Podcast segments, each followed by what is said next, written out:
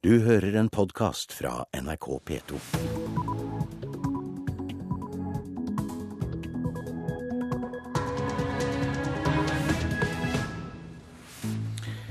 Vel møtt til eh, Nyhetsmorgen her i studio, Øystein Heggen. Klokka den er nå halv sju tirsdag 8. januar, og dette er hovedsakene. Fossene her i landet skal fortsatt være norske, også etter et eventuelt regjeringsskifte. Det er de borgerlige partiene enige om. Halvparten av eh, Fellesforbundet i LO vil ha ny regjering etter høstens eh, stortingsvalg, altså av medlemmene i forbundet. Omskjæring av guttebarn bør bli tillatt på det offentliges regning, mener flertallet i Livssynsutvalget. Og eh, smarttelefoner er gull verdt for leteaksjonene til politiet og Røde Kors. Helt klart så hjelper det oss veldig mye. Da har vi et fast punkt å kjøre inn til og hente de ut. Så blir det mer et henteoppdrag enn et leteoppdrag, så det er jo veldig positivt. Leder for Telemark Røde Kors hjelpekorps, Torleif Lønningen. Først til omskjæring, for omskjæring av guttebarn bør bli tillatt på det offentliges regning. Det mener flertallet i Livssynsutvalget, som i går la fram sin rapport. Senterpartiet vil ha forbud mot omskjæring, mens KrFs Dagrun Eriksen og et flertall på Stortinget vil tillate omskjæring av gutter. For jøder er det altså en religiøs forpliktelse å um, omskjære sine guttebarn på den åttende dagen. Verken før eller senere. Det er veldig klart uttrykt at dette er altså en religiøs forpliktelse. Det er Abrahams pakt. Det er, eh, det er den pakten Abraham inngikk med Gud. Forstander Erving Kohn i Det mosaiske trossamfunnet forklarer jødenes praksis.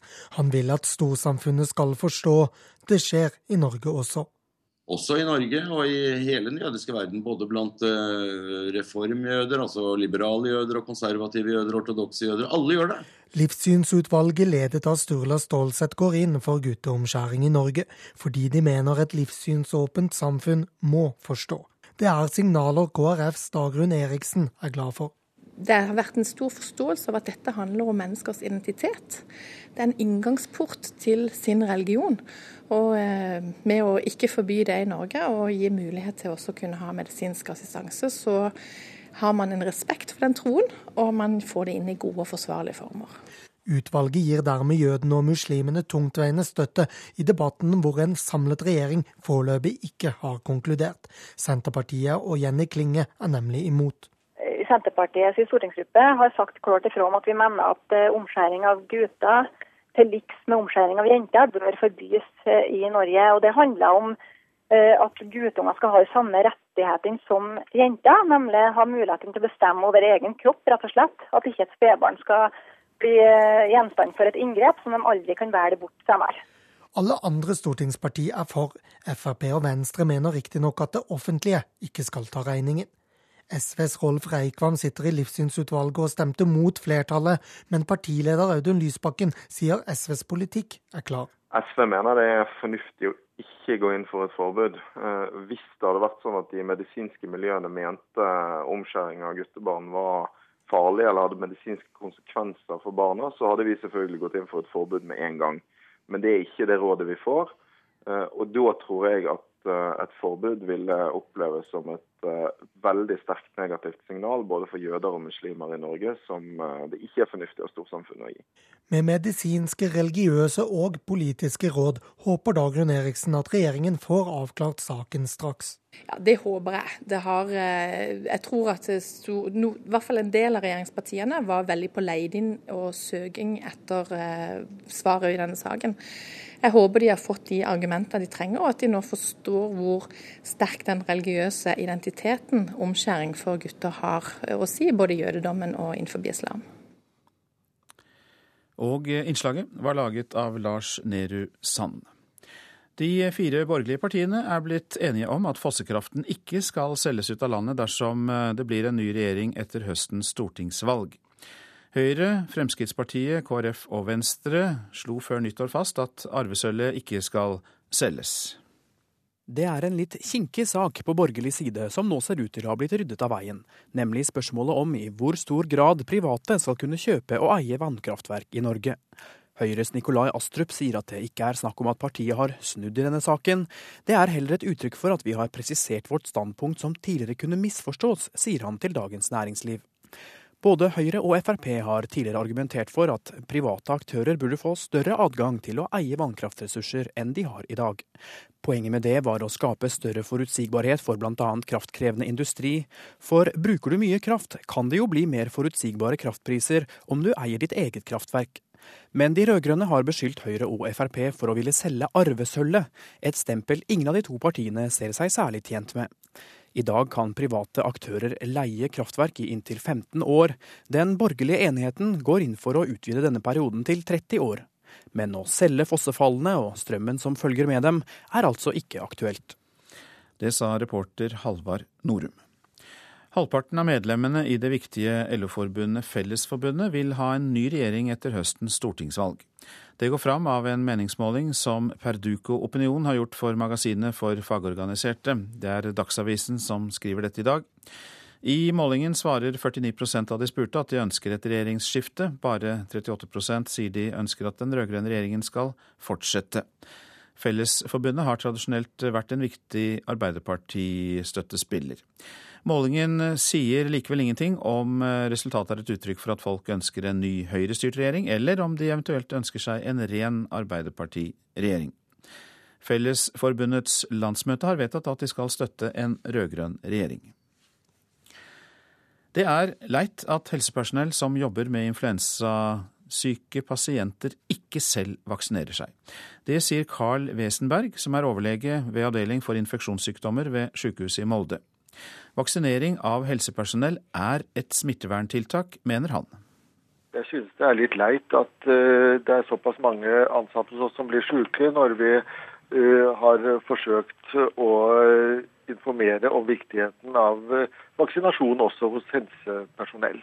Influensatoppen i Møre og Romsdal er ennå ikke nådd. Wesenberg forteller at det fortsatt er stor pågang fra influensasyke i Møre og Romsdal, størst i Molde og stabilt ved de andre sykehusene. Det at mange ansatte også blir syke, kunne ha vært unngått, sier han. Jeg ser det jo slik at det å vaksinere seg mot uh, influensa hver sesong er et smitteverntiltak på linje med det å bruke hansker på munnbind og vaske hender. Jeg mener det er meget viktig. Og uh, spesielt av hensyn til uh, våre pasienter. Vi har veldig mange gamle, skrøpelige hjerte- og lungesyke pasienter som absolutt ikke bør få influensa. Ellers vil jeg fortsatt eh, oppfordre pårørende som er syke, at de helst holder seg hjemme. Og De som hadde laget innslaget, var Carl Wesenberg og eh, Anne Det var Carl Wesenberg vi hørte til slutt der, som er overlege, og så er det Anne Mari Flatseth som hadde laget innslaget. Politiet i eh, Nord-Irland skjøt i natt med gummikuler mot demonstranter øst i Belfast. Det har vært den femte natten på rad med opptøyer. De blusset opp etter et vedtak om at det britiske flagget ikke skal heises daglig ved rådhuset i Belfast. Og utenriksmedarbeider og tidligere korrespondent på de britiske øyer, Anette Groth, god morgen til deg. God morgen. Ja, Hvorfor vekker dette så stor harme? Fordi at den store konflikten i Nord-Irland er mellom to grupper. Det er mellom de protestantiske unionistene som vil ha eh, union med Storbritannia for enhver pris, og de nasjonalistiske irene som ønsker eh, et forent Irland. Og det at For protestantene, da. Det at flagget ikke skal heises hver dag på rådhuset i Belfast, det er eh, et tap for dem. Og veldig mye av politikken i Nord-Irland er symbolpolitikk. Og dette med det britiske flagget, Union, Union, Jack, er et stort og sterkt symbol for de protestant, protestantiske unionistene. Men eh, ja, hvorfor skal det ikke flagges hver dag, da? Nei, Dette er jo et kompromiss. da. Det er jo nå snart 15 år siden det ble inngått en fredsavtale i Nord-Irland i 1998. Og da ble man enige om at eh, det protestantiske flertallet, som er ganske lite, da skal regjere sammen med det katolske mindretallet, som er stort. Så det er liksom to ganske like store grupper, dette her. Og dette er jo da gjort, dette med flagget, for å tilfredsstille unionistene på den katolske siden. Fordi at eh, det da ikke skal fremstå som Nord-Irland bare er britisk, selv om det på papiret fremdeles er det. Så det å heise et flagg, og når man gjør det, er altså også da gjenstand for et kompromiss, åpenbart, i, i, i Nord-Irland. Og hvem er det da som deltar i demonstrasjonene, som markerer seg først og fremst? Ja, Det er en ganske broket forsamling som har vært med på disse demonstrasjonene. Det er alt fra medlemmer av UVF, altså Ulster Volunteer Force, som var en av disse væpnede gruppene som kjempet i konflikten i Nord-Irland. Og på den annen side så meldes det om barn helt ned til ti år som har vært med her. Sånn at uh, det, er, det er, en gro, broket uh, gruppe med, med folk, og de er ikke så veldig mange. Men du kjenner jo Nord-Irland godt, har vært der utallige ganger. og Hva tenker du om dette? Er det sånn at folk flest i gaten, at deres hjerte banker så sterkt for dette flagget hvis de er unionister, at de absolutt skal flagge hver dag? Veldig mange. Uh, har et bankende hjerte for det britiske flagget. Og det har vært ganske mange demonstrasjoner som er an noe annet enn disse opptøyene vi snakker om, hvor det har vært med langt flere mennesker, opptil tusen par tusen mennesker, som har gått og protestert på rådhuset. Og det er, symbolpolitikken, det er det å markere revir, som betyr så veldig mye i Nord-Irland. For til tross for at de da inngikk en fredsavtale for 15 år siden, så er det spenninger. Og, og i og med at utgangspunktet er så diametralt motsatt for disse to gruppene, så ligger spenningene der fremdeles. Revirkampen og spenningene er der fortsatt. Hjertelig takk for at du kom til Nyhetsmorgen, utenriksmedarbeider Anette Groth. Så skal vi si litt om avisene her hjemme. Slik gikk tre nordmenn i en politifelle, skriver VG om smuglerdrama på Jylland, da en nordmann fra Arendal ble drept i skuddveksling med dansk politi. Politi og tollvesen hadde spanet på smuglernettverket siden i fjor høst. En GPS-sender skal ha blitt plassert på smuglernes hurtigbåt. Det skriver Fedrelandsvennen i dag. Et eh, norsk kystvaktskip ventet på smuglerne mellom Kristiansand og Arendal. Norsk politi nektes våpen, skriver Dagsavisen. Regjeringen kommer til å avvise forslaget om generell bevæpning av norsk politi. Motvind for miljøvernerne, skriver Klassekampen, for nå vil heller ikke SV gi Lofoten garanti. Nylig varslet Venstre at partiet ikke vil være en garantist mot oljeutbygging i Lofoten etter valget. Dette er grepene du må ta, skriver Dagbladet om de nye reglene for pensjonssparing som ble innført i går. De fleste i privat sektor må forberede seg på en ny pensjonsordning, der de selv må ta mer ansvar for hva de får utbetalt. Start pensjonssparingen i dag, det rådet kommer fra Dagens Næringsliv. De fleste må budsjettere med mindre sjenerøse bidrag fra bedriften, og sette sin lit til at aksjemarkedet går inn i en langvarig oppgangsperiode, skriver avisas kommentator.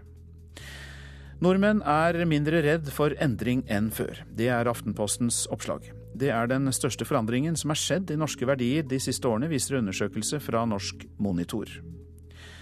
Salgsrekord fører til mangel på økologiske egg, kan vi lese i Nasjonen. Kraftig vekst i salget av økoegg gjør at eh, mange leverandører sliter med å dekke etterspørselen. Vil ha kristen arv ut av Grunnloven, er oppslaget i Vårt Land om regjeringens livssynsutvalg. Forslaget om å nøytralisere Grunnlovens verdiparagraf kommer ett år etter et samstemt storting vedtok paragrafen, som altså henviser til kristenarven. Gir barna dødsangst, skriver Nordlys om svineinfluensaen. Oppstyret rundt svineinfluensaen skremmer barn unødig, mener professor ved Universitetssykehuset i Nord-Norge. Mobbeofre flykter til privatskoler, er oppslaget i Adresseavisen. Vi anbefaler ikke skolebytte, sier Geir Mosan, som leder skoleteamet i Trondheim kommune. For han mener skolebytte kan virke som nederlag for mobbeofrene.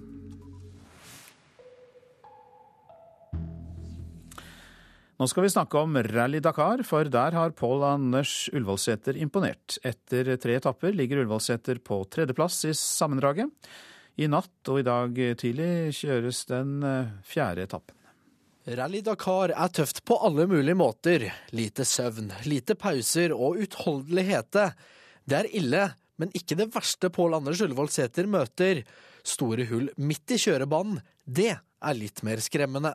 Jeg kom bortover en vei i dag og hadde en 140 km, og så er det plutselig bare svært firkanta høl i veien. Da. De har lagd noe, det er noe veiarbeid der, eller hva det er for noe. Det er et par meter ned, og jeg skjønner mens jeg bremser at jeg rekker jo ikke dette her. Jeg kommer til å havne oppi hølet der og får aldri opp sykkelen. Men jeg greier å legge ned sykkelen og skli ti meter mot kanten. Og idet sykkelen stopper, så henger forhjulet på utsida av kanten. og da, da, var det bare å dra den litt tilbake og så rygge og så starte å kjøre. Så jeg tapte ti sekunder. Så da var jeg glad at det gikk bra, gitt.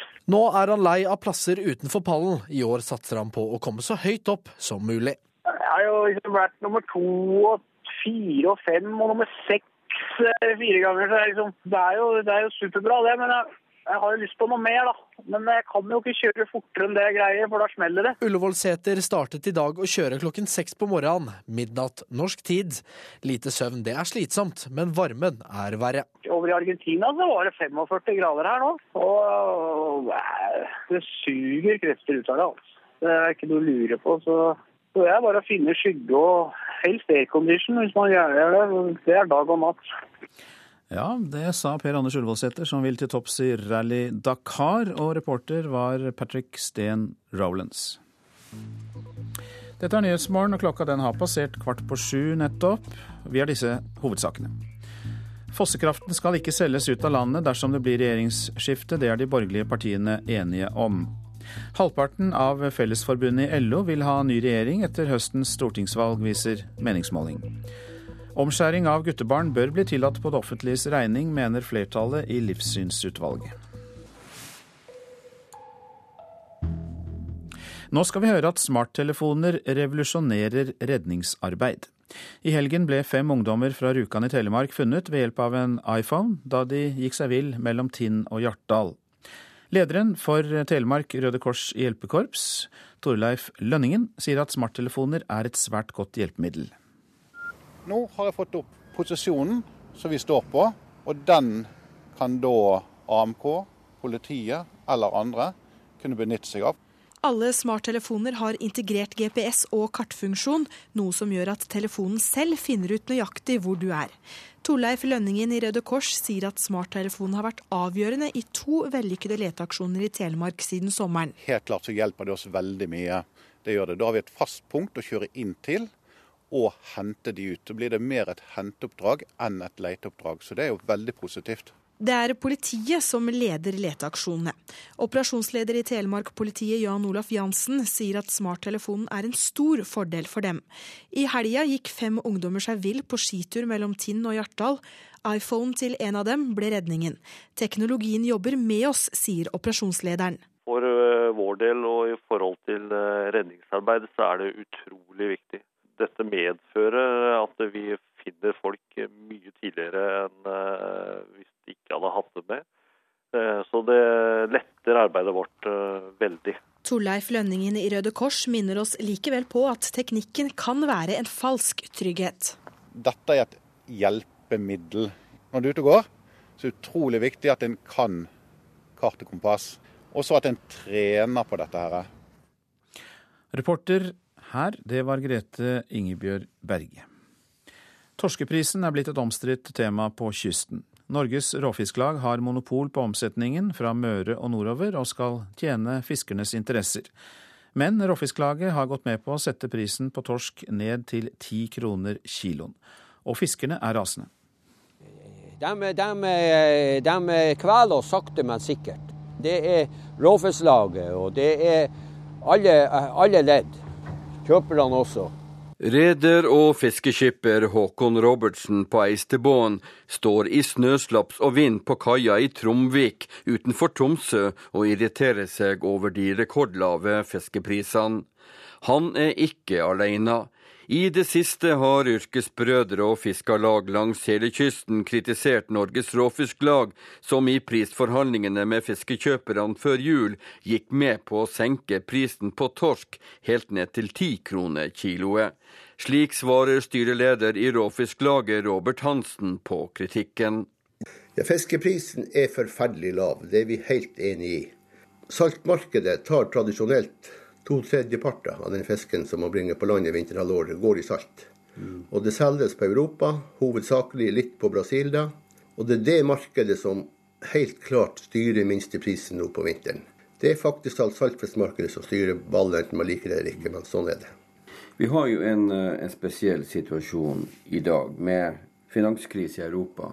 Ei sterk norsk krone og ei rekordhøy uh, kvote. Hva er den største utfordringa i 2013 for fiskerne og dere? Ja, Det er jo å få eksporten og få handelen av, av, fisk å gå. Som du sjøl sier, så har vi ei, ikke bare finanskrise, men en økonomisk krise i markedslandene som rammer den enkelte. Så, og ei sterk norsk krone på, på, på, toppen av det hele. Så det er faktisk at det å få handelen å gå, for vi kan ikke produsere fisk i det her landet med så store kvanta for lager. Vi er nødt til å få den omsatt og få den ut i verden, og få den konsumert. Robert Hansen fra Skjervøy har sittet tolv år som styreleder i Råfisklaget. På årsmøtet til våren sier han takk for seg. Håkon Robertsen og mange andre vil kaste Hansen allerede nå, fordi han ikke tjener fiskerne sine interesser, som det heter. Ja, han skulle jo ha vært kasta for lenge siden. De har sittet altfor lenge. Toppen fire år skulle, skulle styrelederen ha sittet. Så det, han skulle ha vært kasta for lenge siden. for han har jo, han har jo eh, rudinert oss. Har, hele næringa er i ferd med å sprekke. Hele næringa går, eh, går ad undas. Ja, det er jo naturlig å finne en, en høgestabbe, men eh, det må de jo gjerne, gjerne gjøre. Altså. Men jeg er jo ikke alene i det her. Vi var jo seks fra Norges Råfisklag, seks fiskere som satt i det utvalget og forhandla pris med kjøperne. og Saken var jo oppe i styret dagen etter, et par dager etter. og det kom ingen innvendinger der på at vi hadde gjort en for dårlig jobb, men jeg tror ikke prisen går opp fordi han har fjernet meg. Styrelederen i Råfisklaget sier de siste prisene er tilpassa markedet i Europa, og at slik må det være. Håkon Robertsen har et litt annet syn på den saken. Vi som fiskere vi kan jo ikke få hele Europa. Men det er en gal strategi med, med, med det som skjer. Du kan se f.eks. olje. Hele verden trenger olje. Hele verden trenger mat. Hva er det som skjer med, med oljeprisen? Jo, de er, de, der er de enige landene seg imellom om en pris på olje. Men når det gjelder fisk, da har de ikke noe som, sånn eh, Da selger eh, eksportørene hver for seg. Og da eh, Den ene underbyr og fallbyr den andre. Og det er en monopolisering som skjer. At små, små fiskebruk de klarer ikke å overleve. For de kommer ikke inn på markedet. De store konsernene de eh, kjøper seg markedsandeler og, og kommer, inn på markedet. De kan levere. Fiskeskipper Håkon Robertsen til slutt der, reporter Øystein Antonsen. Norge slurver med sikkerheten ved museene. Ja, det mener sjefen for verdens største database over stjålet kunst. For andre gang på kort tid er verdifull kunst blitt stjålet fra et museum i Bergen. Prisen på kunst har økt, og lav sikkerhet gjør Norge attraktivt for tyver.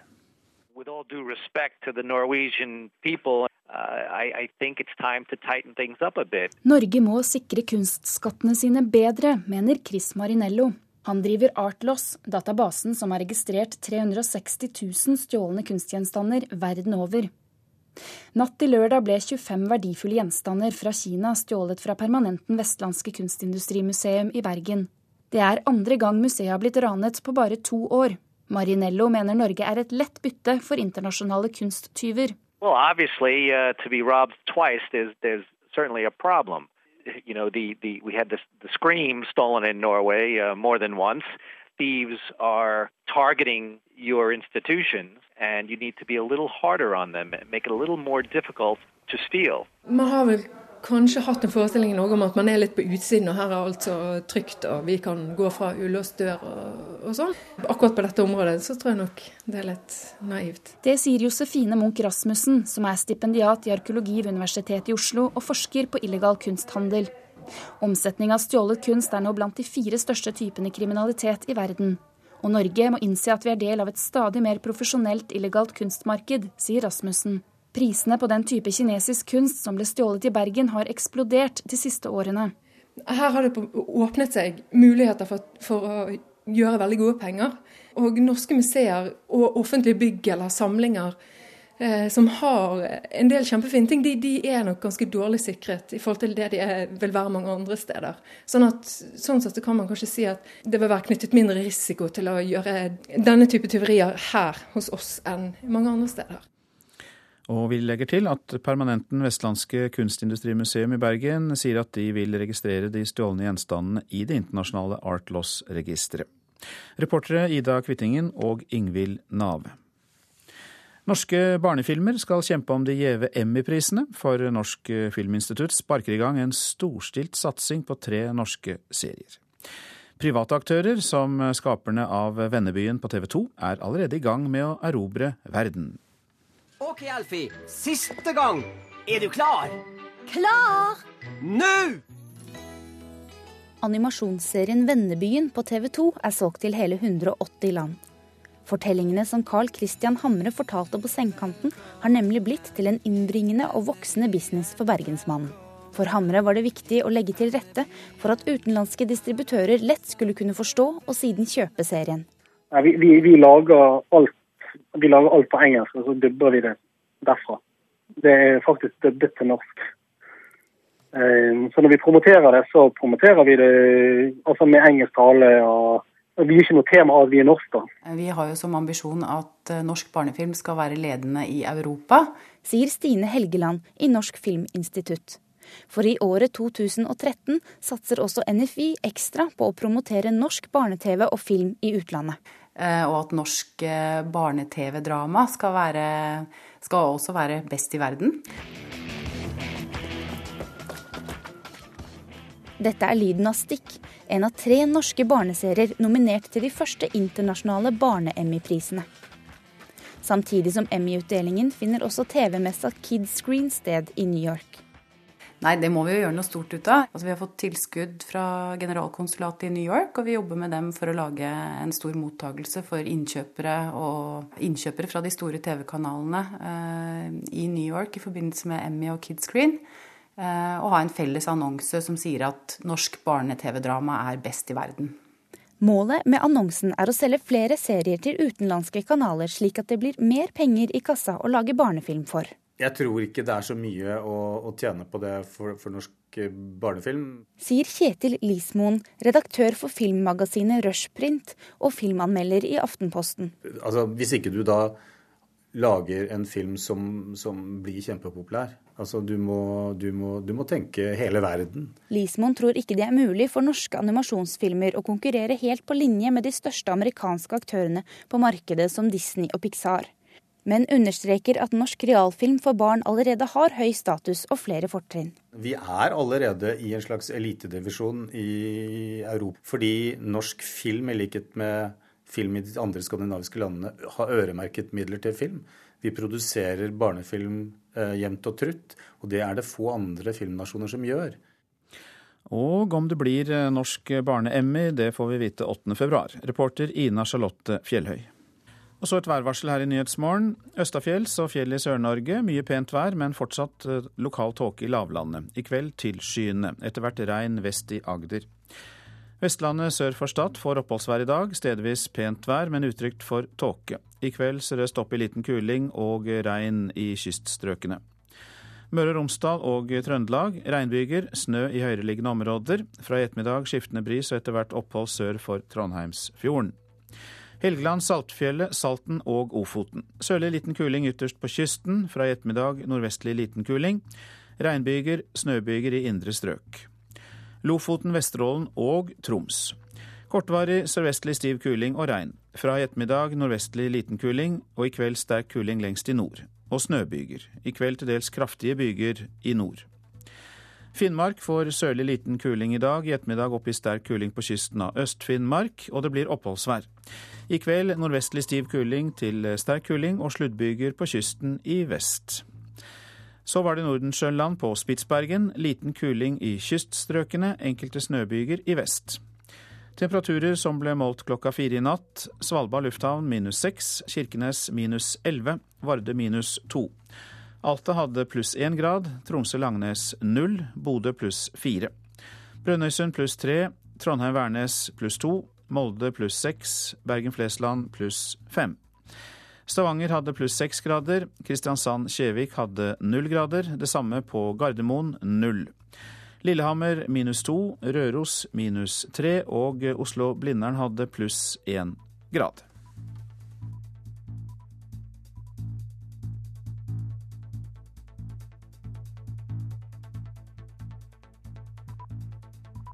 Du hører en podkast fra NRK P2.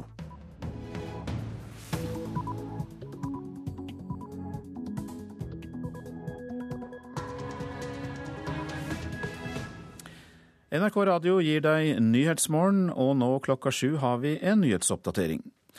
De fire borgerlige partiene er blitt enige om at fossekraften ikke skal selges ut av landet dersom det blir en ny regjering etter valget.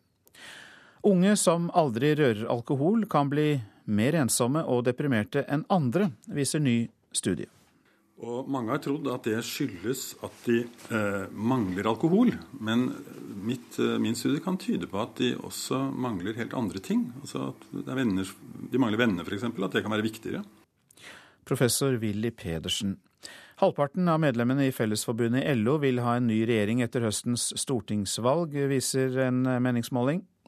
Justisdepartementet vil skjerpe kravene til politidistriktene og prioritere kampen mot korrupsjon. Jeg har over mine tolv år her hatt tre-fire tilfeller av, med tilbud om, om eh, penger eller andre ting for å bidra til at man skulle få de tjenestene man ønska. Rådmann i Verran, Jakob Almlid. I Kina demonstreres det med krav om ytringsfrihet og demokrati. For første gang skjer dette siden massakren på Den himmelske freds plass i 1989. Ja, de borgerlige partiene er blitt enige om at fossekraften ikke skal selges ut av landet dersom det blir en ny regjering etter høstens valg. Det er Dagens Næringsliv som skriver dette i dag. Det var før nyttår at de slo fast dette, altså Høyre, Fremskrittspartiet, KrF og Venstre. At det som gjerne er blitt kalt arvesølvet, ikke skal selges ut av landet. Økonomimedarbeider Halvard Norum, du har sett på dette på morgenen, og hva er bakgrunnen for saken? Altså, bakgrunnen er jo at eh, Vannkraftverkene våre de er jo noen slags sånne evigvarende pengemaskiner. og Det har jo lenge vært en utbredt oppfatning at disse tilhører fellesskapet, de skal eies av staten. Eh, før så hadde vi den såkalte hjemfallsretten, som sa at eh, etter en konsesjonsperiode så måtte en privat aktør måtte gi fossen tilbake til staten. Men disse reglene ble endret i 2007 etter en dom i EFTA-domstolen. og Da sa man at nå skal all vannkraft være i offentlig eie. Private kan eie inntil en tredjedel av offentlig kraftverk og de kan leie kraftverk inntil 15 år. Men så har da siden Høyre annet argumentert for at private og offentlige eiere bør likebehandles, at hjemfallsreglene må endres, og det blir tolket som at å, de vil selge fossen ut av landet, arvesølvet skal, skal selges til private. Men la oss ta nettopp det, da. Hva har da vært argumentet for at private skal eie og leie kraftverk? Et viktig stikkord der det er industri og forutsigbarhet. Eh, hvis du ser på et kraftkrevende industri, så har de ofte enorme investeringer som man skal regne på lønnsomheten på kanskje 15-20-30 år. Og Hvis kraftprisene spretter hit og dit, og man vet de kommer til å gjøre det, så blir det stor usikkerhet. Hvis du eier ditt eget kraftverk, eller kan leie det, så veit du på en måte hva kraftprisen blir. Og da kan du få eh, lettere på en måte å, å si at eh, OK, denne investeringen blir lønnsom, nå bygger vi ut i Distrikts-Norge f.eks. Men så er det da argumentene mot som åpenbart er så sterke at de borgerlige er blitt enige om at vi ikke skal selge ut. Ja, og det er jo at eh, Kraftverkene er jo som jeg nevnte, evigvarende pengemaskiner. Og man vil på en måte aldri få liksom, riktig betalt av markedet om du selger det. fordi at eh, å prise en evigvarende kontantstrøm er liksom nærmest umulig. Så det er argumentet for at man ikke skal selge ut arvesølvet. Takk skal du ha i denne omgang, økonomimedarbeider Halvard Norum. Unge Voksne som ikke drikker, har større risiko for å få angst og depresjoner enn andre. Mange har heller ikke hatt sex. Det viser en undersøkelse fra Universitetet i Oslo. De som ikke drikker, kan ofte bli ensomme, sier professor Willy Pedersen. Altså, vi vet at de som ikke drikker, de har høyere dødelighet enn de som drikker litt. Og mange har trodd at det skyldes at de eh, mangler alkohol. Men mitt, eh, min studie kan tyde på at de også mangler helt andre ting. Altså at venner, de mangler venner, f.eks. At det kan være viktigere. Undersøkelsen ved Universitetet i Oslo er enestående i sitt slag. 2000 norske ungdommer er fulgt fram til de fylte 30. De som ikke drikker, blir rammet av depresjoner dobbelt så ofte som andre. Angsten rammer dem tre ganger så ofte. Sexdebuten utsettes og utsettes. Men det gjør ikke besøkende til Nav. De hever trygder og får mer sosialhjelp enn andre. 10% av norske 20-åringer drikker ikke. Og resultatet av undersøkelsen til tross, Det er egentlig ingen grunn til at de skal begynne med det, sier Pedersen. Nei, altså jeg mener jo at uh, konklusjonen på dette bør være at vårt samfunn bør i mye høyere grad akseptere at alkoholavhold uh, kan være en del av vanlige samlivsmønstre. Altså at foreldre gir beskjed til ungene sine om at inviter også de som ikke drikker. Kan kanskje stille spørsmålstegn om denne lærdommen om at et glass vin er så godt for hjertet, uh, er helt sikker. Kanskje er det slik at gode venner er godt for hjertet. Lunsj i matsalen på Fjellhaug bibelskole i Oslo. Mange av ungdommene rundt bordene her rører ikke alkohol. En av dem er 19-åringen Silje Malene Nordbø. Hun tror noen kan bli mer ensomme av å ikke drikke. Jeg forstår jo at en kan bli ensom av det. Det er jo ikke lett å komme inn i en gjeng der du ikke kjenner noen, og da også skulle være avholdt. Det er noe ekstra som eh, gjør deg annerledes fra de andre. I nesten hele sitt liv har Simon Rekkedal Rolfsnes holdt seg unna alkohol. Men det har ikke alltid vært like lett. Jeg merker det at eh, det er en slags dårlig stemning hvis du kommer der og ser at du er avholds og vil helst ikke ha pils, du vil ha noe annet. Og da er du en festbrems, har folk kommentert, i hvert fall til meg. Også Simon tror at noen ungdommer kan bli mer ensomme av å ikke drikke alkohol. For to år siden begynte Simon å drikke litt for å finne ut hvordan det var. Da merket han stor forskjell på hvordan han ble behandlet. Folk eh, tenkte å ja, han der er en sånn, eh, sånn kul kristen, han. For han er grei å ta med seg ut på byen fordi han er med på greia hvis de andre slår i en shot eller noe sånt. Så da merker jeg jo det at eh, enda det var reflektert fra min side og ikke pga. det sosiale, så ble det på en måte lettere å være den som drakk, enn den som ikke drakk. Og Reportere her Hans Jørgen Solli og Haldor Asvald. God morgen til deg, Lene Alexandra Øyen. God morgen selv. Du er livsstilsveileder og har da i perioder også valgt ikke å drikke alkohol. Så hvorfor ikke? Eh, hva skal jeg si? Det er vel rett og slett at jeg ikke føler jeg har det behovet. Eh, og så er jeg vel jeg vet ikke. Jeg tror at uh, i forhold til den forskningen her, da, så er det ikke alkoholen, men hvis man ser litt mer på det sammensatt og nyansert, så som de andre også nevner, så har det jo mye med det sosiale aspektet å gjøre. Eh, vi mennesker er sosiale og trenger det. Det er et behov vi har eh, for å få bekreftet vår sosiale eksistens.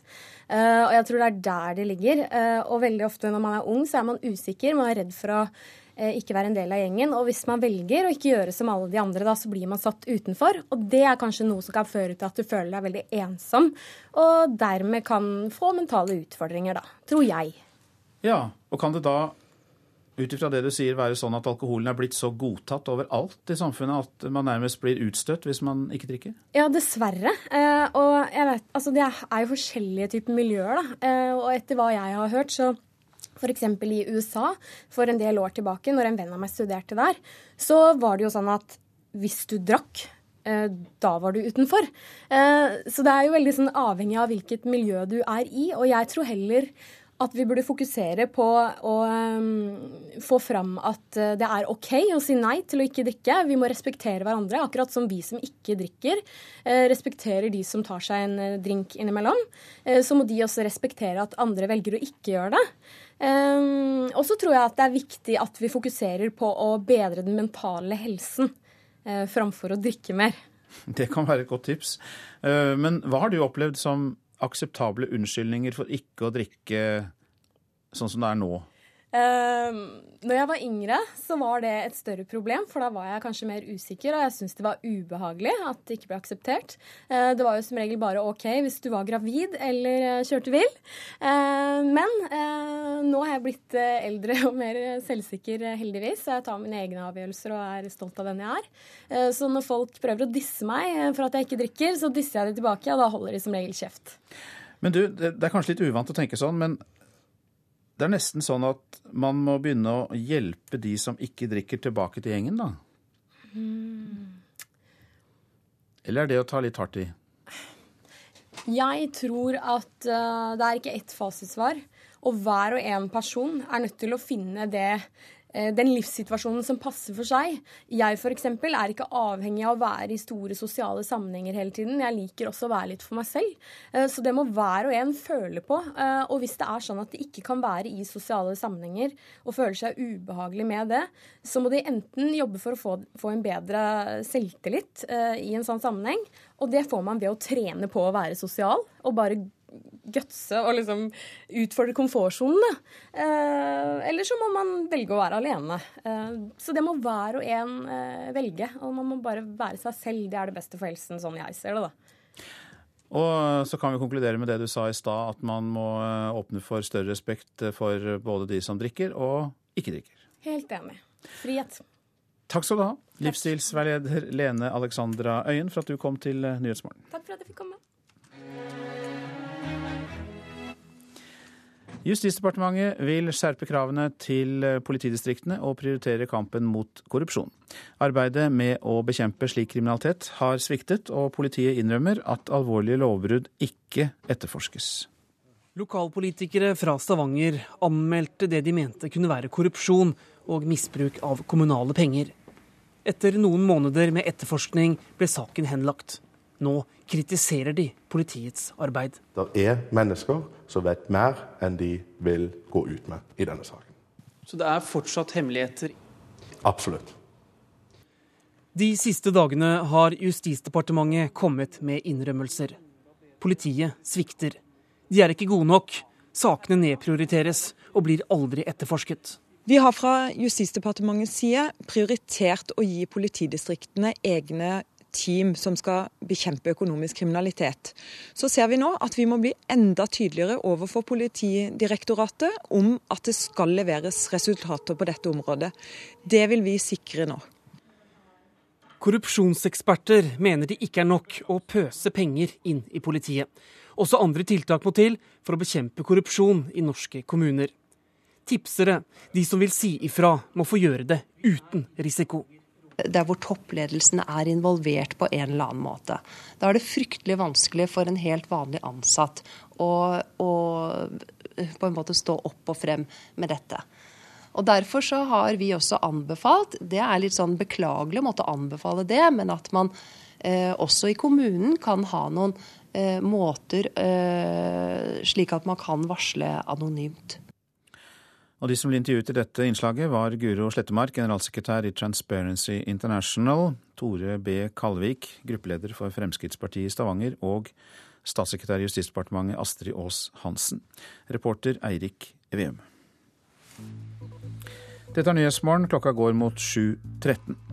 Og vi har disse hovedsakene.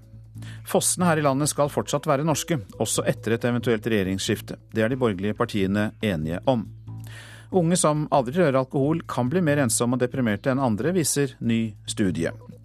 Omskjæring av guttebarn bør bli tillatt på det offentliges regning, mener flertallet i Livssynsutvalget.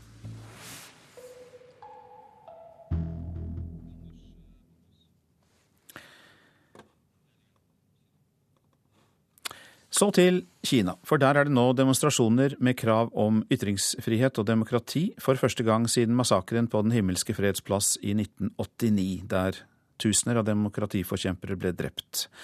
Dagens demonstranter i byen Guangzhou i Sør-Kina støtter journalister i en avis som streiker i protest mot kommunistpartiets sensur av pressen. Asia-korrespondent Anders Magnus, du er med oss fra Beijing. Og hva var det som startet denne, vi må vel si, uvanlige og modige demonstrasjonen? Det var en, eh, i utgangspunktet en nyttårsartikkel i en avis som heter Nanfang Jomoa, som eh, vel best kan oversettes som Sør-Kinas ukeavis. Og her hadde man skrevet at man hadde drømmer for det nye året. Bl.a. at landet skulle bruke eh, bestemmelsene i Grunnloven, og at eh, de ble respektert. Og I Kinas grunnlov så står det masse flotte ting, bl.a. at alle borgere har, har, ytringsfrihet, at pressen har eh, trykkefrihet, og at det er en rettsstat med fulle menneskerettigheter. Og Dette ønsket man da uh, gjennomført, for en gangs skyld, og så ble denne artikkelen uh, plukket ut av uh, de statlige propagandamyndighetene som sensurerer avisene. Og det har skapt et voldsomt sinne og opprør i denne avisen, og også blant folk i, eh, i provinsen. Hva er det med denne saken som gjør at den eh, kanskje har eh, betydning langt utover denne avisen? Det er fordi at det første gang, for første gang så har demonstrantene ropt på demokrati og pressefrihet. Det har ingen turt å gjøre på gaten i Kina i særlig stor grad, i hvert fall ikke i store demonstrasjoner, siden Eh, eh, demokratiopprøret ble slaktet ned i 1989. Så hvis dette her kan føre til eh, en bevegelse i retning mer krav om demokrati, så er det klart at det kan få enormt store, stor betydning i Kina. Men hva kan man forvente seg hvis dette vedvarer og sprer seg, tror du? Jeg tror at myndighetene nå har to muligheter å reagere. De kan uh, si at vi ønsker fortsatt åpenhet, uh, slik de offisielt gjør. Og eh, kanskje ikke med en gang, men etter hvert fjerne mannen som er ansvarlig for, for dette propaganda- og sensurinngrepet mot denne liberale og veldig modige avisen i Guangzhou. Eller de kan si at dette her tåler vi ikke noe av. Eh, de som har vært med på demonstrasjonene, er selvfølgelig fotografert av politiet. De vil bli arrestert. Eh, eh, avisjournalistene som har streiket, kan også bli arrestert eller bli sagt opp av avisen. Da vil vi vite at dette går i akkurat motsatt retning. At den innstramming i pressefrihet eh, og ytringsfrihet som eh, vi har opplevd i Kina de siste årene, skal fortsette og kanskje enda mer strammes inn. Og det er svært dårlig nytt for folk i Kina. Takk skal du ha, Asia-korrespondent Anders Magnus fra Beijing, som altså fortalte om denne demonstrasjonen for ytringsfrihet og demokrati som pågår i Kina. Rundt 100 skogbranner raser i Australias mest folkerike delstat New South Wales, og faren er der for at det skal spre seg. Det er sterk vind og temperaturer på over 40 grader sørøst i landet. Statsminister Julia Gillard advarer eh, om at dette kan bli en av de farligste dagene i Australias historie pga. denne tørken og disse brannene. En ISAF-soldat er skutt og drept av en mann i afghansk militæruniform sør i Afghanistan, opplyser de internasjonale styrkene. I fjor ble mer enn 60 utenlandske soldater drept av afghanske soldater eller politifolk. Disse såkalte innsideangrepene har ofte skjedd i forbindelse med opplæring av afghanere. USA vurderer å lage en kortstokk over de mest ettersøkte regimetoppene i Syria, slik de gjorde under Irak-krigen. Det sier en tjenestemann i det amerikanske utenriksdepartementet til en arabiskspråklig London-avis, Al-Sharq al-Avsat. Hvert kort skal inneholde et bilde og opplysninger om hver regimetopp, og president Bashar al-Assad blir da å finne på sparesset, ifølge avisa. Politiet trodde mannen som er siktet for drapsforsøk på en hel kinosal i Colorado i USA i fjor sommer, var en av dem. Han opptrådte nemlig uvanlig avslappet, sier politimannen som pågrep James Holmes. Denne uka er det høringer før en eventuell rettssak. Inne i kinosalen lå det drepte. I lufta var det tåregass. Ute sto gjerningsmannen i skuddsikker drakt, gassmaske og hjelm, med hendene på bilen. Han var følelsesmessig fraværende fra kaoset og massakren, forteller politimannen som pågrep 24-åringen. Jeg trodde han var en av oss, først da James Holmes ikke løp mot åstedet slik de andre i politistyrken gjorde, forsto politimannen at han hadde tatt feil. Detaljene om hva som skjedde i Aurora, Colorado under Batman-premieren, har vært holdt tilbake fra presse og publikum, men nå legges bevisene fram. Hele uka er det forberedende høringer som formelt holdes for å la dommeren se om det er nok bevis for en straffesak. Rettseksperter her peker på at slike høringer i realiteten brukes for å inngå en avtale for å forkorte en rettssak. For overlevende og etterlatte er høringene en mulighet til å forstå hva som skjedde før og under kinomassakren, og kanskje også hvorfor. De er advart mot sterke inntrykk. James Holmes er siktet for 160 drapsforsøk. 12 ble drept og 58 skadd i småbyen utenfor Denver 20.07. i fjor. Han var uvanlig avslappet og fraværende, stirret ut i lufta med store pupiller forklarte politimannen som pågrep ham utenfor kinosalen minutter etter skytingen. Holmes forsøkte ikke å stikke av, angripe politiet eller motsette seg arrestasjon, forteller vitnet. Forsvarerne vil innkalle vitner som kan fortelle om gjerningsmannens mentale helse. De mener klienten er psykisk ustabil. Han skal bl.a. ha forsøkt å ringe psykologen sin minutter før skytingen. Holms mentale helse er med på å avgjøre om han kan stilles for retten eller bli erklært utilregnelig. Under høringens første dag satt James Holmes og fulgte uttrykksløst med, rapporterer journalister som var til stede. Seks politifolk vitnet, og det ble vist opptak fra da gjerningsmannen gikk inn i kinosalen, og et annet uten lyd, der man ser folk dukke og styrte mot dørene og ut i nattemørket. Påtalemyndigheten i Aurora mener James Holmes planla massakren i flere uker, med innkjøp av våpen, ammunisjon og kommandoutrustning. Han kjøpte kinobilletten tolv dager før skytingen. Høringene etter kinomassakren i Colorado kommer to år etter kongressrepresentanten Gabrielle Giffords ble skutt i Arizona, og mens USA diskuterer nye våpenlover etter skolemassakren i Newtown før jul. Anders Tvegård, Washington. Vi fortsetter i USA, for nå er det offisielt det man har trodd en stund. USAs president Barack Obama har nominert Chuck Hagel til stillingen som forsvarsminister. Hagel har eh, tidligere vært senator for republikanerne. Og Hilde Eliassen Restad, god morgen til deg. God morgen, god morgen. Du er førsteamanuensis i freds- og konfliktstudier ved Bjørknes høgskole. Og ja, hvem er denne republikaneren Chuck Hagel, som nå blir eh, sannsynligvis eh, forsvarsminister i USA? Han er en veldig interessant eh, mann. Han har klart å eh, på mange måter være en eh, perfekt republikansk senator, i og med at han er en krigshelt fra Vietnam. Eh, veldig lik John McCain på mange måter men har da klart etter um, 11.9. å egentlig erte på seg hele det republikanske partiet fordi at han ble en veldig offentlig kritiker av Bush-administrasjonen, og særlig krigen i Irak. Kan man da si at han plasserer seg eh, til venstre i det republikanske partiet, eller er det ikke så enkelt? Det, eh, det, er et spørsmål om det er det republikanske partiet som har gått til høyre, eller Chuck Hagel som har gått til venstre. Eh, men det Chuck Hagel vel vil si, er at han er en realist, og at det republikanske partiet har blitt altfor ideologisk med de nykonservative i Bush-administrasjonen. Og nå er det jo også sånn at han og hans tidligere gode venn John McCain er ikke lenger så veldig gode venner. Nå kan vi jo ta det med det samme eksempelet dukker opp, nemlig at det veldig ofte, kanskje nesten alltid, er en representant fra det andre partiet i eh, regjeringen i USA. Um, det kan være det. Det er jo noen uh, historiske eksempler er jo selvfølgelig Abraham Lincoln, som var kjent for å inkludere opptil flere som hadde stilt mot han i valget i 1860. Og selvfølgelig Franklin Roosevelt, som valgte en republikaner som sin da heter krigsminister fra 1940 til 1945, for eksplisitt å skape partipolitisk enighet om krigsinnsatsen til USA. Og Obama har gjort det hele tiden.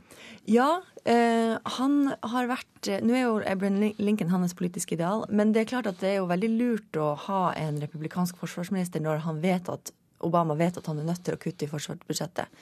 Eh, da er det greit å ha backup fra en som er ikke bare krigsveteran, men også en republikaner. Men hva skjer nå videre, for han er nominert av eh, Obama. Tror du det er strake veggen? Nei, eh, han må da godkjennes av Senatet. Eh, sånn som reglene er der. Og sånn som det politiske spillet har blitt, så må han ikke bare få altså godkjennes, han må antageligvis godkjennes av 60 av 100 senatorer. Og eh, demokratene har ikke 60 i Senatet. Så det her kommer nok til å bli noen tøffe høringer i forsvarskomiteen i Senatet, vil jeg tro. Eh, jeg vil jo tro det går gjennom. Det skal helst gå gjennom. Det er presidenten sitt valg som skal respekteres, men jeg tror at det kommer til å bli noen tøffe runder. Og så er det da sannsynlig at John Kerry blir utenriksminister, for han er allerede nominert. Ja, og det som er litt ironisk, er at det virker som om det kommer til å bli lettere å få John Kerry gjennom Senatet, og mer støtte fra republikanere enn Chuck Hagel. Hjertelig takk for at du kom innom Nyhetsmorgen, Hilde Eliassen Restad fra Bjørknes høgskole, der du er førsteamanuensis i freds- og konfliktstudier, heter det vel? Takk skal du ha. Da tar vi for oss avisene. Slik gikk tre nordmenn i en politifelle, skriver VG om smuglerdramaet på Jylland, da en nordmann fra Arendal ble drept i skuddveksling med dansk politi. Politi og tollvesen hadde spanet på smuglernettverket siden i fjor høst. En GPS-sender skal ha blitt plassert på smuglernes hurtiggående båt, skriver Fedrelandsvennen. Et eh, kystvaktskip ventet på smuglerne mellom Kristiansand og Arendal. Norsk politi nektes våpen, skriver Dagsavisen. Regjeringen avviser forslaget om generell bevæpning av norsk politi. Motvind for miljøvernerne. er oppslaget i Klassekampen, for nå vil heller ikke SV gi Lofoten garanti. Nylig varslet Venstre at partiet ikke vil være en garantist mot eh, oljeutbygging i Lofoten etter valget. Dette er grepene du må ta, skriver Dagbladet om de nye reglene for pensjonssparing som ble innført i går. De fleste i privat sektor må forberede seg på en ny pensjonsordning, der de selv må ta mer ansvar for hva de får utbetalt. Nordmenn er mindre redd for endring enn før, er Aftenpostens oppslag. Det er den største forandringen som er skjedd i norske verdier de siste årene, viser undersøkelse fra Norsk Monitor. Salgsrekord fører til mangel på økologiske egg, kan vi lese i Nasjonen. Kraftig vekst i salget av økoegg gjør at mange leverandører sliter med å dekke etterspørselen. Gir barna dødsangst, dødsangst, skriver Nordlys om svineinfluensaen. Oppstyret rundt svineinfluensaen skremmer barn unødig, mener professor ved Universitetssykehuset i Nord-Norge. Mobbeofre flykter til privatskoler, er oppslaget i Adresseavisen. Vi anbefaler ikke skolebytte, det sier Geir Mosan, som leder skoleteamet i Trondheim kommune. Han mener at skolebytte kan virke som et nederlag for mobbeofrene.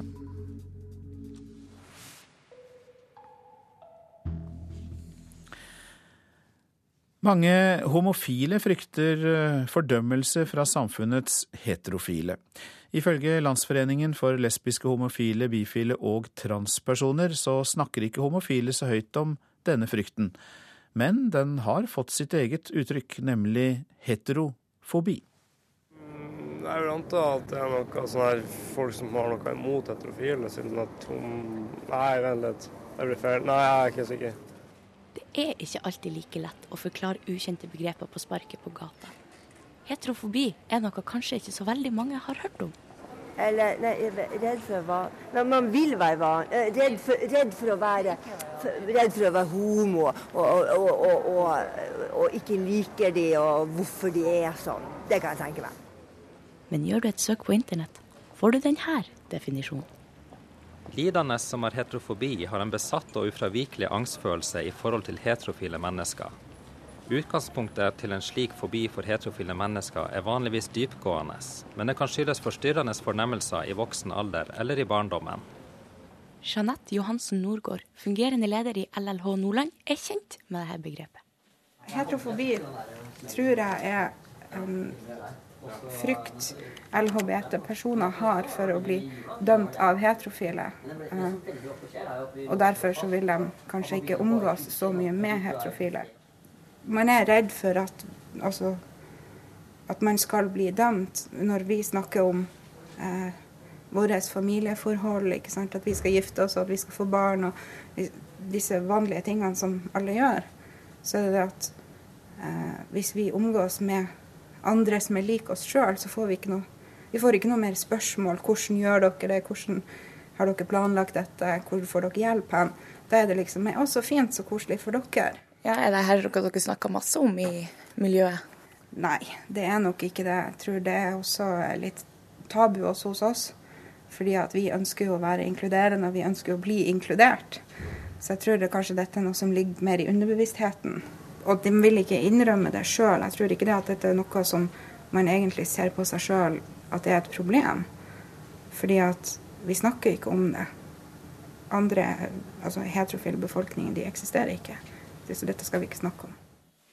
Johansen Norgård tror ikke dette er et evigvarende problem, og ser sammenhengen mellom homofobi og heterofobi. Jeg tror det kommer til å passere. Jeg tror at heterofobi og homofobi eh, går opp imot hverandre. Så lenge det finnes homofobi, så vil det også finnes heterofobi. Reporter Lise-Lotte Henriksen, og vi legger til at begrepet LHBT-personer, som ble brukt i reportasjen, er en samlebetegnelse på lesbiske, homofile, bifile og transpersoner. Hvilket land har det største gapet mellom fattig og rik? Det får du vite i reportasjen etter Dagsnytt. Livssynsutvalgets innstilling er tema for debatten i Politisk kvarter. Nyhetsmorgen, som du hører på nå, hadde Jean-Rik Bjørnskaug som produsent i dag. Her i studio, Øystein Heggen.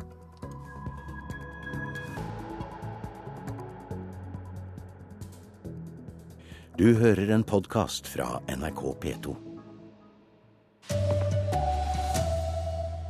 Unge avholdsfolk er mer deprimerte enn de som drikker alkohol, ifølge studiet. De borgerlige partiene lover at de ikke vil selge norsk vannkraft ut av landet. Pål Anders Ullevålsæter imponerer i Rally Dakar, og det har vært dramatikk underveis. Jeg kom bortover en vei i dag og hadde 140 km, og så er det plutselig bare et svært firkanta høl i veien. Her er NRK Dagsnytt, klokka er 7.30. Unge voksne som ikke drikker alkohol, har større risiko for å få angst og depresjoner enn andre. Det viser en omfattende studie ved Universitetet i Oslo, publisert i Tidsskrift for Den norske legeforening. De som ikke drikker, er oftere ensomme, sier professor Willy Pedersen. Altså, vi vet at de som ikke drikker, de har høyere dødelighet enn de som drikker litt. Og mange har trodd at det skyldes at de eh, mangler alkohol. Men mitt, eh, min studie kan tyde på at de også mangler helt andre ting. Altså at venner, de mangler venner, f.eks. At det kan være viktigere. Jeg merker det at eh, det er en slags dårlig stemning hvis du kommer der og ser at du er avholds og vil helst ikke ha pils, du vil ha noe annet. Og da er du en festbrems, har folk kommentert, i hvert fall til meg. Simon Rekkedal Rolfsnes går på Fjellhaug bibelskole i Oslo. Skolen drives av Misjonssambandet. Her er det ikke mye alkohol. Det er det derimot andre steder, og Simon har, som vi skjønner, for lengst skjønt hva det betyr. Undersøkelsen ved Universitetet i Oslo er enestående i sitt slag. 2000 norske ungdommer er fulgt fram til de fylte 30. De som ikke drikker, blir rammet av depresjoner dobbelt så ofte som andre. Angsten rammer dem tre ganger så ofte. Sex-debuten utsettes og utsettes. Men det gjør ikke besøkende til Nav. De hever trygder og får mer sosialhjelp enn andre. I situasjoner der en er veldig usikker, så skjønner jeg det at det kan gå over til et eh, press, og at eh, den ensomheten blir eventuelt såpass tyngende for vedkommende senere at en, eh, en pådrar seg diverse vonde tilstander. Altså. 10% av norske 20-åringer drikker ikke. Og resultatet av undersøkelsen til tross, det er egentlig ingen grunn til at de skal begynne med det, sier Pedersen. Nei, altså jeg mener jo at uh, konklusjonen på dette bør være at vårt samfunn bør i mye høyere grad akseptere at alkoholavhold uh, kan være en del av vanlige samlivsmønstre. Kan kanskje stille spørsmålstegn om denne lærdommen om at et glass vin er så godt for hjertet, uh, er helt sikker. Kanskje er det slik at gode venner er godt for hjertet. Reportere her var Haldor Asvald og Hans Jørgen Solli. De fire borgerlige partiene er blitt enige om at fossekraften ikke skal selges ut av landet dersom vi får en ny regjering etter høstens stortingsvalg. Det skriver Dagens Næringsliv. Og økonomimedarbeider Halvard Norum, hva er det de fire partiene har samla seg om? Altså, det de har gjort er jo å presisere noe som var litt utydelig før, nemlig at eh, dersom hjemfallsreglene skal endres, noe som de borgerlige partiene ønsker, særlig Høyre og Frp, så betyr ikke det at det er eh, snakk om å selge fosser og kraftverk osv. til private eiere, men heller at det handler om, om, å myke opp og endre dagens regler på eh, andre måter, slik Høyres Nikolai Astrup sier. Det går bl.a. på to ting. Det ene er at man eh, skal kunne leie kraftverket i 30 år istedenfor i 15 år, som er dagens regler. Og at man skal kunne eie den tredjedelen som kan være privateid, eh, gjennom et annet selskap enn en AS, eh, hvor det er mulig å ta ut kraften som utbytte istedenfor å ta ut penger som utbytte. Men reporter Halvard Norum, hvorfor vil de borgerlige partiene ha disse endringene? Altså, de argumenterer med at det vil skape økt forutsigbarhet for kraftkrevende industri. fordi Et problem der det er jo at investeringene tas med en tidshorisont på 10-20-30 år, mens kraftpriser er notorisk ustabile. Altså, De spretter hit og dit, og det er vanskelig å legne på lønnsomhet over tid. Men hvis du sier at ok, du kan leie nå kraftverk i 30 år, ja da veit du hva kraftprisen blir. Så da ved å utvide muligheten til å leie kraftverk, så skal det da bli lettere å ta en investeringsbeslutning, og dermed det, eh, skape en bedre industripolitikk, er da argumentet deres. Takk til deg, Halvard Norum. Rettshøringene mot mannen som drepte tolv mennesker i en kinosal i Colorado i USA i sommer, er nå i gang. James Holmes er siktet for å ha forsøkt å drepe alle menneskene som var i salen. Da politiet kom til stedet, så trodde de at Holmes var en av kinogjengerne, for ifølge politiet så opptrådte han uvanlig avslappet etter massakren. Inne i kinosalen lå det drepte. I lufta var det tåregass. Ute sto gjerningsmannen i skuddsikker drakt, gassmaske og hjelm, med hendene på bilen. Han var følelsesmessig fraværende fra kaoset og massakren, forteller politimannen som pågrep 24-åringen. Jeg trodde han var en av oss, først da James Holmes ikke løp mot åstedet slik de andre i politistyrken gjorde, forsto politimannen at han hadde tatt feil. Detaljene om hva som skjedde i Aurora, Colorado under Batman-premieren, har vært holdt tilbake fra presse og publikum, men nå legges bevisene fram.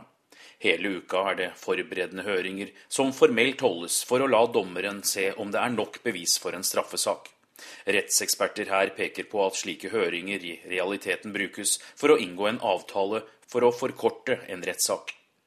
For overlevende og etterlatte er høringene en mulighet til å forstå hva som skjedde før og under kinomassakren, og kanskje også hvorfor. De er advart mot sterke inntrykk. James Holmes er siktet for 160 drapsforsøk.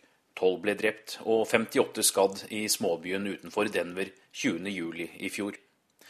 Under høringens første dag satt James Holmes og fulgte uttrykksløst med, rapporterer journalister som var til stede. Seks politifolk vitnet, og det ble vist opptak fra da gjerningsmannen gikk inn i kinosalen, og et annet uten lyd, der man ser folk dukke og styrte mot dørene og ut i nattmørket. Anders Tvegård, Washington. Akkurat nå så er det opprør blant fiskerne langs kysten fra Møre og nordover. Årsaken er prisen på torsk, som nå er nede i ti kroner kiloet. Norsk Råfisklag og kjøperne skylder på finanskrisen i Europa, men den forklaringen møter liten forståelse blant fiskerne på kaia i Tromvik utenfor Tromsø. De kveler oss sakte, men sikkert. Det er Råfisklaget, og det er alle, alle ledd. Kjøperne også. Fiskeskipper Håkon Robertsen er irritert og oppgitt over de rekordlave prisene på torsk som Norges Råfisklag har gått med på i forhandlinger med fiskekjøperne. I dag er eierne av Råfisklaget og fiskerlag langs hele kysten innkalt til møte i Tromsø, der det er ventet høy temperatur om fiskeprisene. Styreleder i Råfisklaget Robert Hansen forstår frustrasjon, men er ikke enig i resten av argumentasjonen til fiskerne. Saltmarkedet tar tradisjonelt to tredjeparter av den fisken som man bringer på land i vinterhalvåret, går i salt. Mm. Og det selges på Europa, hovedsakelig litt på Brasil da. Og det er det markedet som helt klart styrer minsteprisen nå på vinteren. Det er faktisk alt saltfiskmarkedet som styrer ballen, enten man liker det eller ikke, men sånn er det. Denne forklaringa er det mange av fiskerne som ikke biter på. Ja, han skulle jo ha vært kasta for lenge siden. De, de har sittet altfor lenge. Og Jeg skjønner jo at de prøver å finne en, en knagg å henge hatten på, men jeg tror ikke prisen går opp fordi han har fjernet meg. reporter her var Øystein Antonsen. Omskjæring av guttebarn bør bli tillatt, og det offentlige bør betale for slike inngrep. Det mener Livssynsutvalget, som i går la frem sin rapport. Et flertall på Stortinget vil også tillate omskjæring av gutter, og KrFs nestleder Dagrun Eriksen gir skryt til utvalget det har vært en stor forståelse av at dette handler om menneskers identitet. Det er en inngangsport til sin religion.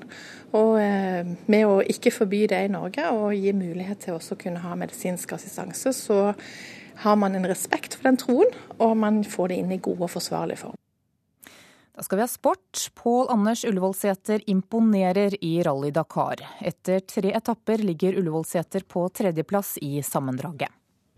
Rally Dakar er tøft på alle mulige måter. Lite søvn, lite pauser og utholdelig hete. Det er ille, men ikke det verste Pål Anders Ullevål Sæter møter. Store hull midt i kjørebanen, det er litt mer skremmende. Jeg kom bortover en vei i dag og hadde en 40 km, og så er det plutselig bare svært firkanta høl i veien. og de har lagd noe, Det er noe veiarbeid der, eller hva det er for noe. Så er det et par meter ned, og jeg skjønner mens jeg bremser at jeg rekker jo ikke dette her. Jeg kommer til å havne oppi hølet der. og Får aldri opp sykkelen igjen, men jeg greier å legge ned sykkelen og skli ti meter mot kanten. Og Idet sykkelen stopper, så henger forhjulet på utsida av kanten. og da, da var det bare å dra den litt tilbake og så rygge og så starte å kjøre. Så jeg tapte ti sekunder. Så da var jeg glad at det gikk bra, gitt. Reporter var Patrick Steen Rovlands. Ansvarlig for denne sendingen var Elin Pettersen, teknisk ansvarlig Hanne Lunås og her i studio Anne Jetlund Hansen.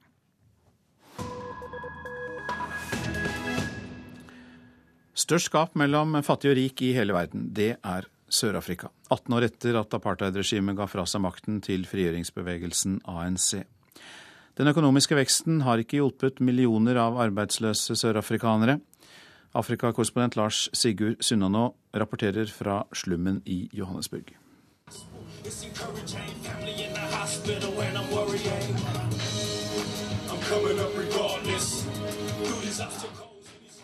Ashley Isak Nokoma har fått slippe til i et lite lydstudio som en internasjonal hjelpeorganisasjon har fått på plass i townshipet Deep Slott i utkanten av Johannesburg. Det er her de aller fattigste av storbyens innbyggere bor i rønner og blikkskur, uten innlagt vann eller strøm. Salgsboder for narkotika står tett som hagl, og fallbyrus, trøst og avhengighet til stadig flere ungdommer. 23 år gamle Ashley har så langt gått klar narkotikaens svøpe, og håper at musikken og kommende plateinnspillinger skal gi ham en fremtid. For på Sør-Afrikas ordinære arbeidsmarked har han og alle de andre ungdommene i Deep Slott svært små sjanser til å lykkes. This is very difficult, um, especially where I am in Deep Slot here, because uh, everything is very hard while you in, in, in a hood. Det er svært vanskelig, særlig her i Deep Slot, sier han. Alt er veldig hardt i en slum, på en plass som denne. Vi prøver å skaffe oss arbeid, men det går ikke. Du ser hvordan vi lever. Vi vil jo virkelig komme oss vekk. Til tross for en solid økonomisk fremgang i Sør-Afrika det siste tiåret, har ikke den økende velstand dryppet ned på Deep Slott og en lang rekke andre tilsvarende samfunn på landets skyggeside, der det bor millioner av mennesker.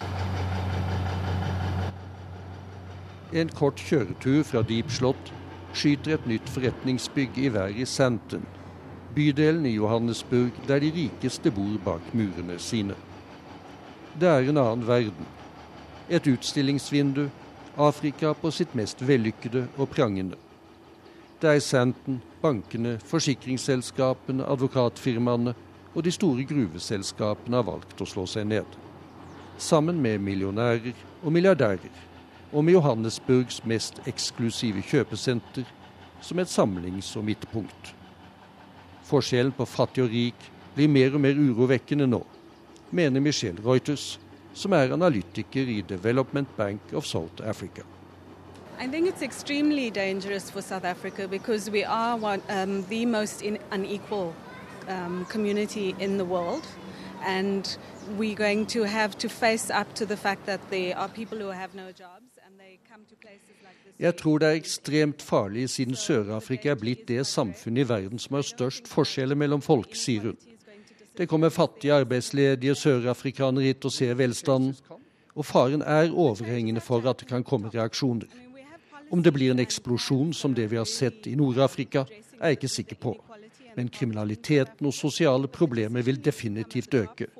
And you see that now. Crime is extremely violent in, violent in South Africa. And we also have lots of domestic violence in, in. Vi ser det nå. Kriminaliteten er blitt ekstremt voldelig i Sør-Afrika. Også vold i hjemmene øker. Frustrasjonene nærmer seg kokepunktet, sier Michelle Reuters.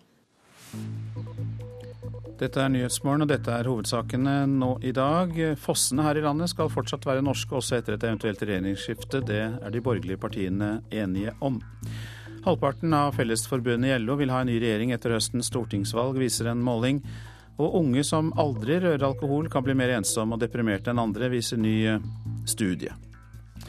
Og Da er det tid for Politisk kvarter, Per Arne Bjerke. Og du eh, spør om vi vil få en eh, nøytral politikk vis-à-vis -vis religion hvis eh, forslaget fra Livssynsutvalget blir gjennomført.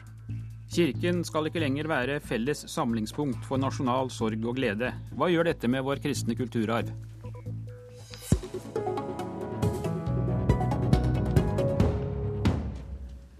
Religionene skal bli mer likestilte, og kirken skal ikke lenger ha den særstillingen vi er vant med. Kirken skal heller ikke være felles samlingspunkt ved nasjonale tragedier, slik vi så 22.07. Statsråd og nestleder i Senterpartiet Trygve Slagsvold Vedum, synes du utvalget i tilstrekkelig grad har tatt hensyn til kristne tradisjoner og vår historiske arv? Jeg syns det har vært vektlagt for lite i innstillinga. Det er mye bra i innstillinga, men jeg syns det er for lite vektlagt. Og hvor mer flerkulturelt vi blir, hvor viktigere er det? For det å forstå vår egen arv, forstå vår egen tradisjon, forstå våre egne symboler, det gjør at vi også forstår andres eh, religion, andre symboler, bedre. Og det er klart at Når vi bor i Norge, så er det viktig å forstå hvorfor feirer vi påske? Hvorfor feirer vi pinse? Hvorfor har vi mange Størst av alt er kjærligheten, eller som Stoltenberg sa i forbindelse med 22. juli, størst av alt er ungdommen. Forstå at det er en referanse tilbake til den arven som vi står i. Og klart, Der mener jeg at utvalget ikke har vektlagt det godt nok. At det er en tradisjon, en arv, det er en historie som skaper forankring, men som også gir da trygghet inn i en ny tid, og kjenne den tradisjonen vi står i. Likestillings- og integreringsminister og nestleder i SV, Inga Marte Thorkildsen. Er du enig eller uenig i at det er nødvendig med mer likestilling mellom religionene, og at eh, den kristne kirken må fratas en del av den oppgavene som den har i dag, dersom vi skal få denne likestillingen? Ja, Vi mener at uh, det er bra hvis Norge i større grad likestiller ulike menneskers ståsteder. Uh, og Samtidig så mener vi at uh, Norge bør være en romslig, sekulær stat som legger til rette aktivt for at folk skal kunne praktisere sin religion. Og som har høy takhøyde for at folk mener ulike ting. Eh, et mangfoldig samfunn må være et samfunn som har eh, respekt for hverandre, eh, og som er ikke-diskriminerende konsekvent. Og som har særlig ansvar for barns rettigheter. Det er også et veldig viktig tema i denne utredninga, og det gleder meg som barneminister også. Så du er egentlig ganske fornøyd med det som ble lagt fram i går? Ja, Nå er det mange dissenser på kryss og tvers, og jeg har ikke fått full oversikt heller over eh, alt. Det er en veldig tjukk eh, utredning, men det er en veldig spennende eh, utredning fordi den diskuterer nettopp prinsipielt. Men det går litt på kryss og tvers, så det er ikke helt lett å få fullstendig grep om det heller. Og det er heller ikke lett å være fullt ut prinsipiell. Og det kan man se bare ved å ta utgangspunkt i de tre første prinsippene som man på en måte ønsker å legge til grunn. Hvor man på den ene side skal være beskytte alles tros- og livssynsfrihet. Og så skal man da på den andre sida ikke eh, sørge, altså skal, Så skal man ikke kunne krenke andres rettigheter og friheter. Selv om man skal ha denne friheten til å tro. Og så skal man praktisere ikke-diskriminering også. Man skal ikke ha utsatt noen for mm. usaklig forskjellsbehandling. Og det er ikke lett å praktisere alle de tre prinsippene. Leder i Kristelig Folkeparti, Knut Arild Hareide. Hva betyr det for kristne tradisjoner dersom disse forslagene blir gjennomført? Ja, det kan være en svekkelse eh, dersom en del blir gjennomført. Eh, så finnes det òg en del ting som er veldig veldig bra i dette utvalgets innstilling. F.eks. punkt åtte om at en, ingen har krav på å slippe religionsutøvelse i det offentlige rom. Syns jeg er veldig bra. Altså Dette offentlige utvalget her ble jo satt ned etter at eh, Dagfinn Høybråten hadde hatt en interpellasjon om tro, om religion, i det offentlige rom. Da kom statsministeren til Stortinget og sa at han ville sette ned et offentlig utvalg. Det syns jeg har vært veldig bra. Nettopp fordi at i et flerkulturelt samfunn så er det viktig at vi ser trosperspektivet som noe veldig viktig. Så syns nok jeg ikke at eh, utvalget har på en måte tatt den muligheten på alle områder. Og jeg har lyst til å bruke noen eksempel på det.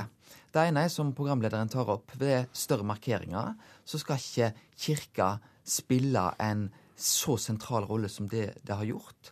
Vi så i etterkant av 22.07 hvor viktig den rollen kirka hadde.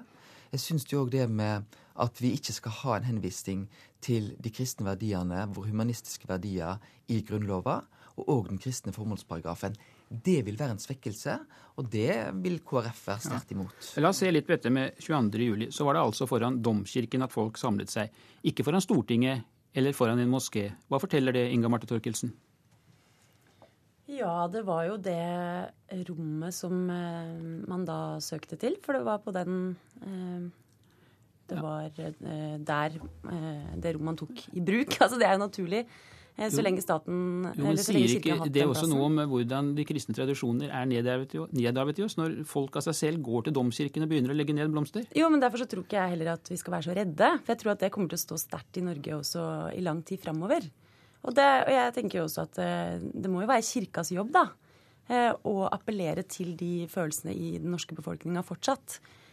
Og jeg tenker at kirka må jo da klare den jobben å få menneskene til fortsatt å søke til kirka uten at det skal være statens oppgave på vegne av alle med så mange forskjellige synspunkter og så ulik tro som folk har. Også ikke-tro. Som veldig mange i Norge nå har. Det er fryktelig stor andel som kaller seg sjøl ateister. En tredjedel nesten.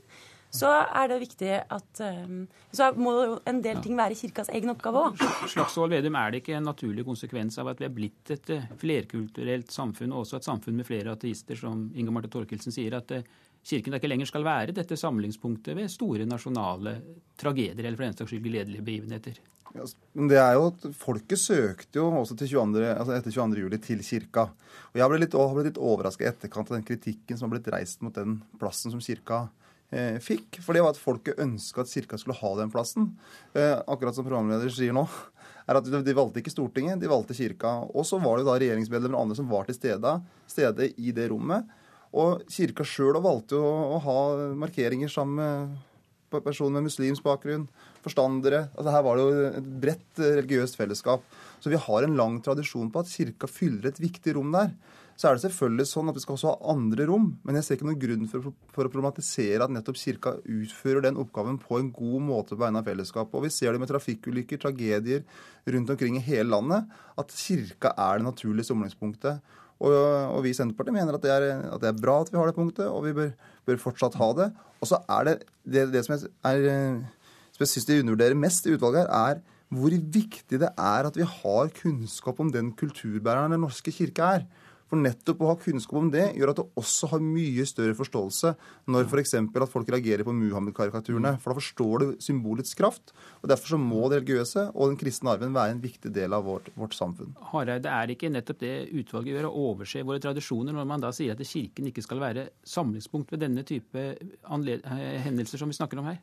Jo, det opplever vi akkurat på dette punktet. Jeg er helt enig i det programlederen sier. Fordi at eh, kirka viste en veldig klokskap rundt tragedien 22.07. De var inkluderende. De viste seg å være den oppgaven verdig, med òg å være samlende i den tragiske hendelsen vi hadde. Og det som jeg frykter, er at uh, i den debatten vi skal ha der vi på en måte skal selvfølgelig akseptere minoriteter, men det da å si at da skal vi jo, men Aksepterer du minoriteter når Kirken skal ha en sånn særstilling? Det... Ja, det gjør jeg. Og det er jo ikke minoritetene som er imot dette. Ja, det, De som på en måte løfter fram en del av denne ideologien, er de som sier at det, målet er at vi skal bli helt nøytrale. At vi skal på en måte ha en fullstendig likebehandling. Ja, ja, hvis vi skal ha en fullstendig likebehandling, da må det være sånn at da skal vi jobbe første juledag, første påskedag, eh, første pinsedag.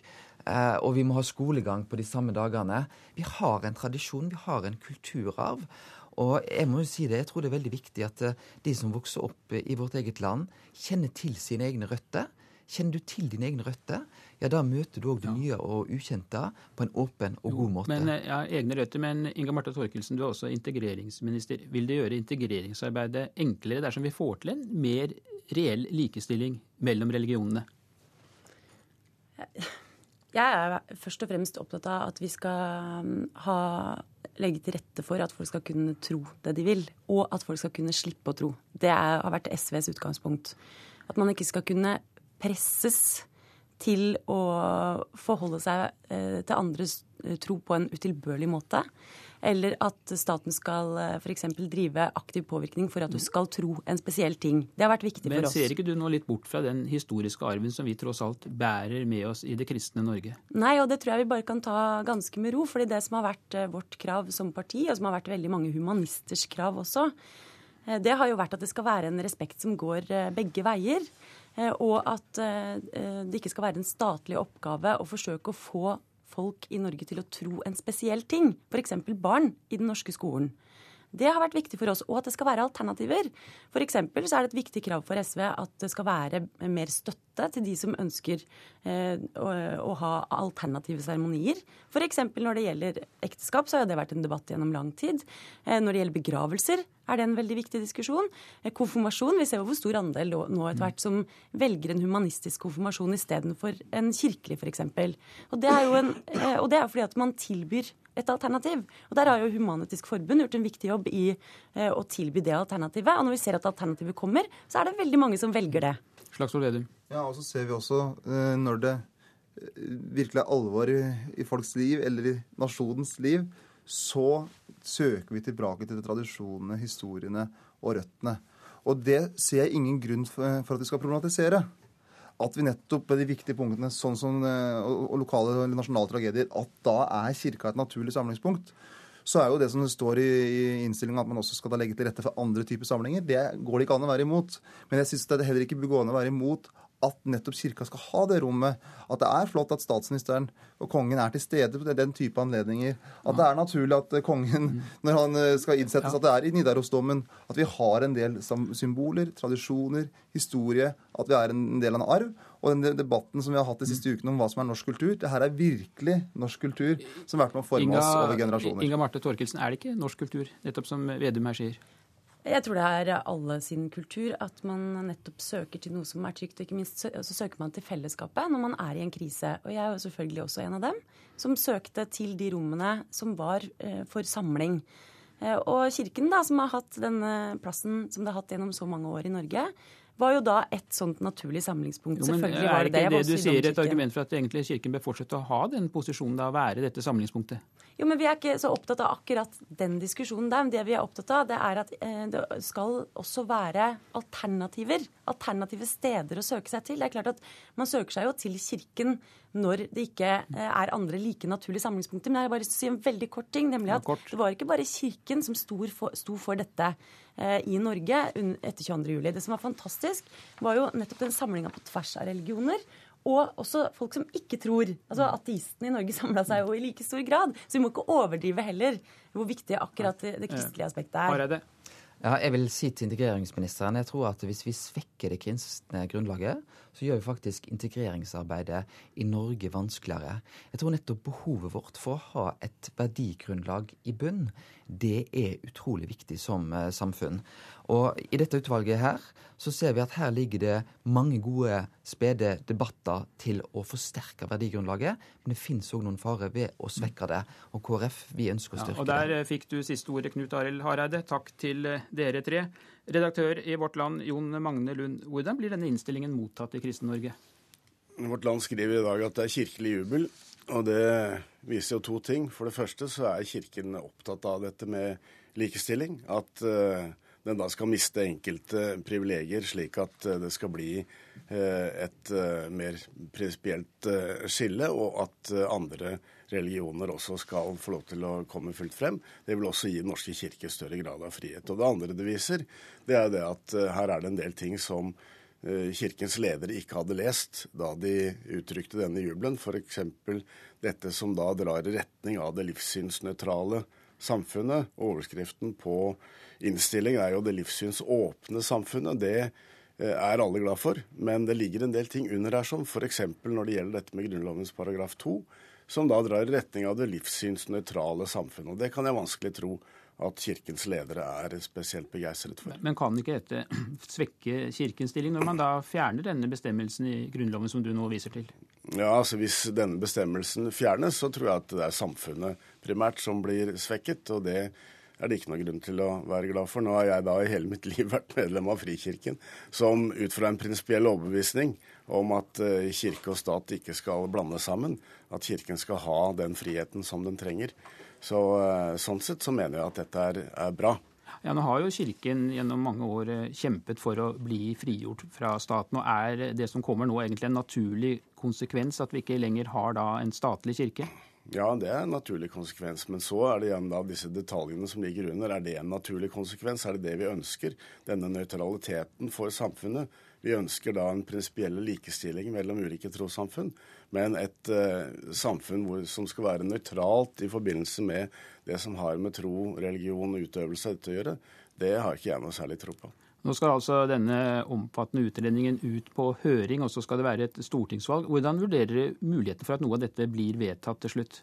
Ja, Den eh, er vel forholdsvis eh, svak, skulle jeg tro. Vi har nok av eksempler på utvalg som da har jobbet med kirkens stilling og trosposisjoner i samfunnet som ikke er blitt ført videre av politikerne. Det viktigste, viktigste her er jo faktisk hva politikerne kommer til å si og mene når den tid eh, kommer.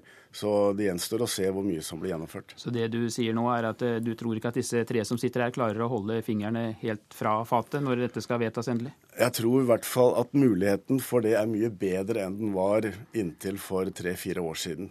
Takk skal du ha, Jon Magne Lund, redaktør i Vårt Land. Og det var Politisk kvarter med Per Arne Bjerke. Du har hørt en podkast fra NRK P2.